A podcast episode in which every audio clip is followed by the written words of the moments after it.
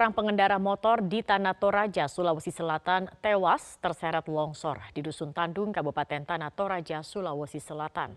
Jasad korban ditemukan tersangkut di sebuah batu di aliran sungai. Jasad Noprianto, karyawan penggilingan jagung di Lempe, akhirnya berhasil ditemukan setelah dilakukan pencarian selama beberapa jam oleh tim SAR gabungan dari TNI Polri dan BPBD Tanah Toraja. Jasad Noprianto ditemukan tersangkut di sebuah batu di aliran sungai perkampungan CC, Kecamatan Masanda. Namun karena derasnya air sungai, membuat proses evakuasi berjalan dramatis. Sebelumnya, korban terseret longsor saat melintas di Trans Sulawesi Poros Toraja Mamasa sekitar pukul 8 malam. Warga kemudian menemukan sepeda motor korban, sementara jasad korban ditemukan tersangkut di batu. Seorang anak berusia 11 tahun diduga dianiaya seorang perwira TNI di Palembang, Sumatera Selatan. Aksi kekerasan itu dilakukan hanya gara-gara perselisihan antara korban dengan anak letkol ZK. Perilaku arogansi kembali ditunjukkan oknum anggota TNI. Komandan Denhar Dam 2 Sriwijaya berpangkat Letkol ZK diduga melakukan tindakan penganiayaan terhadap bocah berusia 11 tahun berinisial MN. Korban yang masih duduk di bangku kelas 6 SD itu menjadi korban penganiayaan setelah sebelumnya terjadi perselisihan antara korban dengan anak Letkol ZK di musola Jalan Yasin Sama, Palembang, Selasa petang. Aksi penganiayaan yang terekam CCTV ini pun viral di media sosial. Sementara itu, ayah korban menceritakan kronologi penganiayaan yang dialami anaknya itu, di mana korban diduga dianiaya dan diancam oleh pelaku. Bahkan korban sempat dibawa menuju markas Denhar mau sholat sama anak beliau. Sholat mungkin ada ini yang namanya anak-anak anak beliau apa bokongin lah bokongin anak saya anak saya nggak seneng jadi saling body.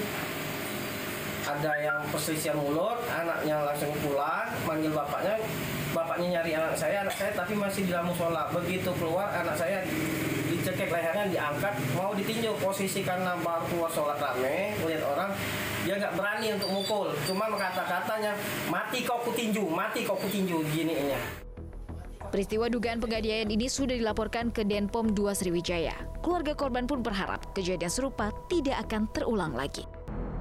Petugas kepolisian Polres Metro Jakarta Timur menggerebek rumah di kawasan Bilimun, Pondok Kelapa Duren Sawit, Jakarta Timur yang diduga dijadikan tempat aborsi.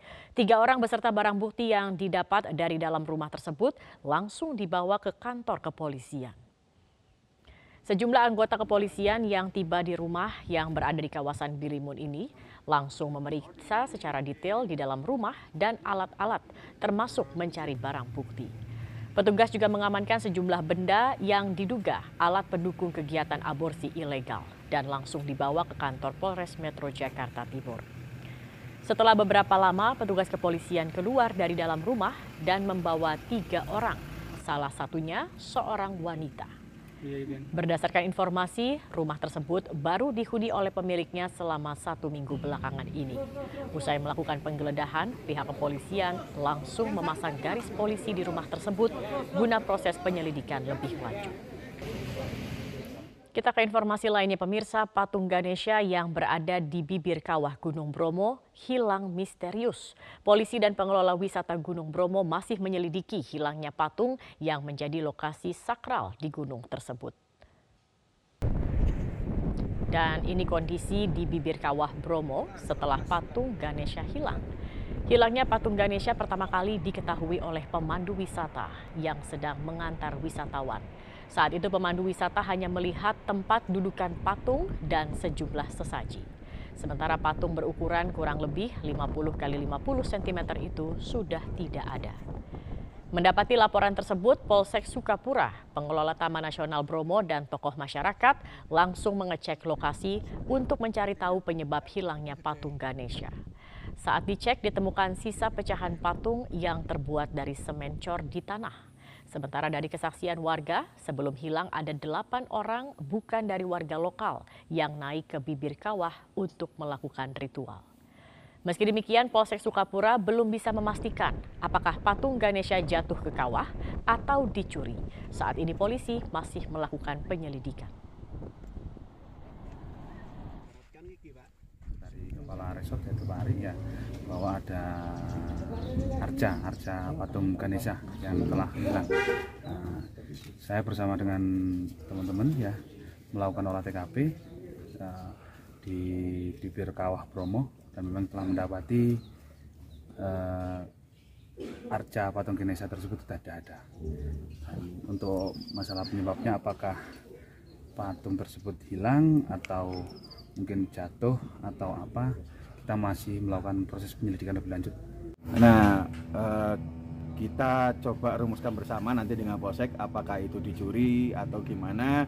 Eh, hasil penurutan saksi di atas terakhir memang ada kegiatan masyarakat, tapi bukan masyarakat sini, kemungkinan dari luar sekitar 6 sepeda motor naik begitu dan melakukan ritual di atas. Itu malam hari Pak ya? Eh, sekitar antara jam setengah 7 sampai jam 8 malam. Belum Ada diketahui CCTV yang Pak menyorot orangnya. nggak, Pak? Untuk dari CCTV karena posisinya terlalu jauh memang ya karena berada di seberang Bromo, eh, kita hanya melihat pergerakan dari lampu saja. Memang lampu kendaraan eh, terpantau ada sekitar 6 unit kendaraan. Orang warga desa Tanjung Sari, Kabupaten Kebumen, Jawa Tengah, Muhroji, meninggal dunia setelah keluarga memulangkannya dari rumah sakit karena tidak mampu membayar biaya perawatan. Kartu Indonesia Sehat milik Muhroji telah dinonaktifkan oleh pemerintah. Seorang pasien rumah sakit Dr. Sudirman Kebumen, Jawa Tengah terpaksa dibawa pulang dalam kondisi kritis karena keluarga tidak sanggup membayar biaya perawatan yang semakin besar. Pasien bernama Muhroji itu akhirnya meninggal dunia setelah dipulangkan. Muhroji sebenarnya memiliki kartu Indonesia Sehat atau KIS yang diberikan pemerintah untuk warga miskin. Namun, kartu tersebut berstatus nonaktif dan keluarga baru mengetahuinya setelah tiba di rumah sakit. Dari awal itu kan eh, kita menangani kedaruratannya, kemudian ada keluarga yang lain yang di- kita berikan edukasi bahwa ini eh, tadinya kan itu pasien BPJS, terus dicek ternyata tidak aktif. Nah, tidak aktifnya dari kita sendiri ya kita tidak tahu apakah itu diputus atau bagaimana. Eh, setelah tahu tidak aktif kita berikan penjelasan ke keluarga. Oh ini eh, apa keluar- kartunya tidak aktif ini. Terus gimana ini sudah pakai umum gitu terus kalau pakai umum ya oke kalau pakai umum terus eh, karena kondisinya menurut kita tetap memberikan edukasi kalau memakai umum nanti eh, memang biayanya bisa eh, tidak eh, apa ya karena di ruang kiri biayanya bisa tinggi terus ya eh, kita juga memberikan solusi apakah mau diurus dengan BPJS yang apa, mandiri atau eh, nanti dapat bantuan dari eh, apa PC di rumah sakit. Kepala Desa Tanjung Sari Hairudin mengatakan, banyak kartu Indonesia Sehat milik warganya yang dinonaktifkan tanpa pemberitahuan dan tanpa sosialisasi oleh pemerintah. Warga kurang mampu yang seharusnya mendapat jaminan dari pemerintah terpaksa harus membayar sendiri untuk pengobatannya. Jadi hampir setiap warga kami yang berobat itu kisnya dikatakan sudah tidak solusinya enggak ada. Nah, padahal secara umum masyarakat tahu apa sih tentang kis berlaku atau enggak? Saya dari kepada saya nggak tahu. Mereka tahunya ya ketika berobat tidak gratis. Nah, maunya saya ada sosialisasi minimal masyarakat atau minimal kepala desa lah sosialisasi cara mengecek gitu loh ya kis berlaku atau enggak jadi tidak terjadi seperti Berdasarkan data Dinas Sosial Kabupaten Kebumen, terdapat 30 ribu kartu Indonesia Sehat dinonaktifkan oleh Kementerian Sosial. Penonaktifan ini memang dari dari kementerian, dari Kementerian Sosial. Nah, sehingga karena dari Kementerian Sosial ini tidak sudah sudah tidak aktif sehingga memang kemudian masyarakat eh, tidak bisa di cover. Nah, untuk ini tentunya masyarakat nanti eh, diharapkan bisa mengajukan kembali nanti biar proses pengusulan kembali ke Kementerian Tenggat waktu Amerika Serikat untuk mendapatkan persetujuan kenaikan plafon utang semakin dekat. Apabila Amerika gagal untuk mencapai kesepakatan dengan Kongres, maka pemerintah Amerika untuk pertama kalinya dalam sejarah akan gagal membayar hutang. Kondisi tersebut menyebabkan pasar dan perbankan mulai bersiap menghadapi gagal bayar utang Amerika Serikat. Saat ini industri keuangan di Amerika bersiap hadapi krisis seperti yang terjadi pada September 2021 lalu. Saat ini industri perbankan mengakui pagu utang kali ini lebih mengkhawatirkan dibandingkan sebelumnya. Karena apabila Amerika gagal bayar utang, maka akan terjadi volatilitas besar-besaran di pasar ekuitas, utang hingga derivatif. Pada Rabu lalu, Presiden Amerika Serikat Joe Biden menegaskan Amerika tidak akan gagal bayar utang. Ia yakin akan mencapai kesepakatan anggaran dengan Kongres Amerika Serikat. Sedangkan sebelumnya, Menteri Keuangan Amerika Serikat Janet Yellen mendorong agar Kongres Amerika Serikat segera bertindak. Sebab apabila Kongres semakin lama dalam bertindak, maka biaya ekonomi di Amerika akan semakin tinggi.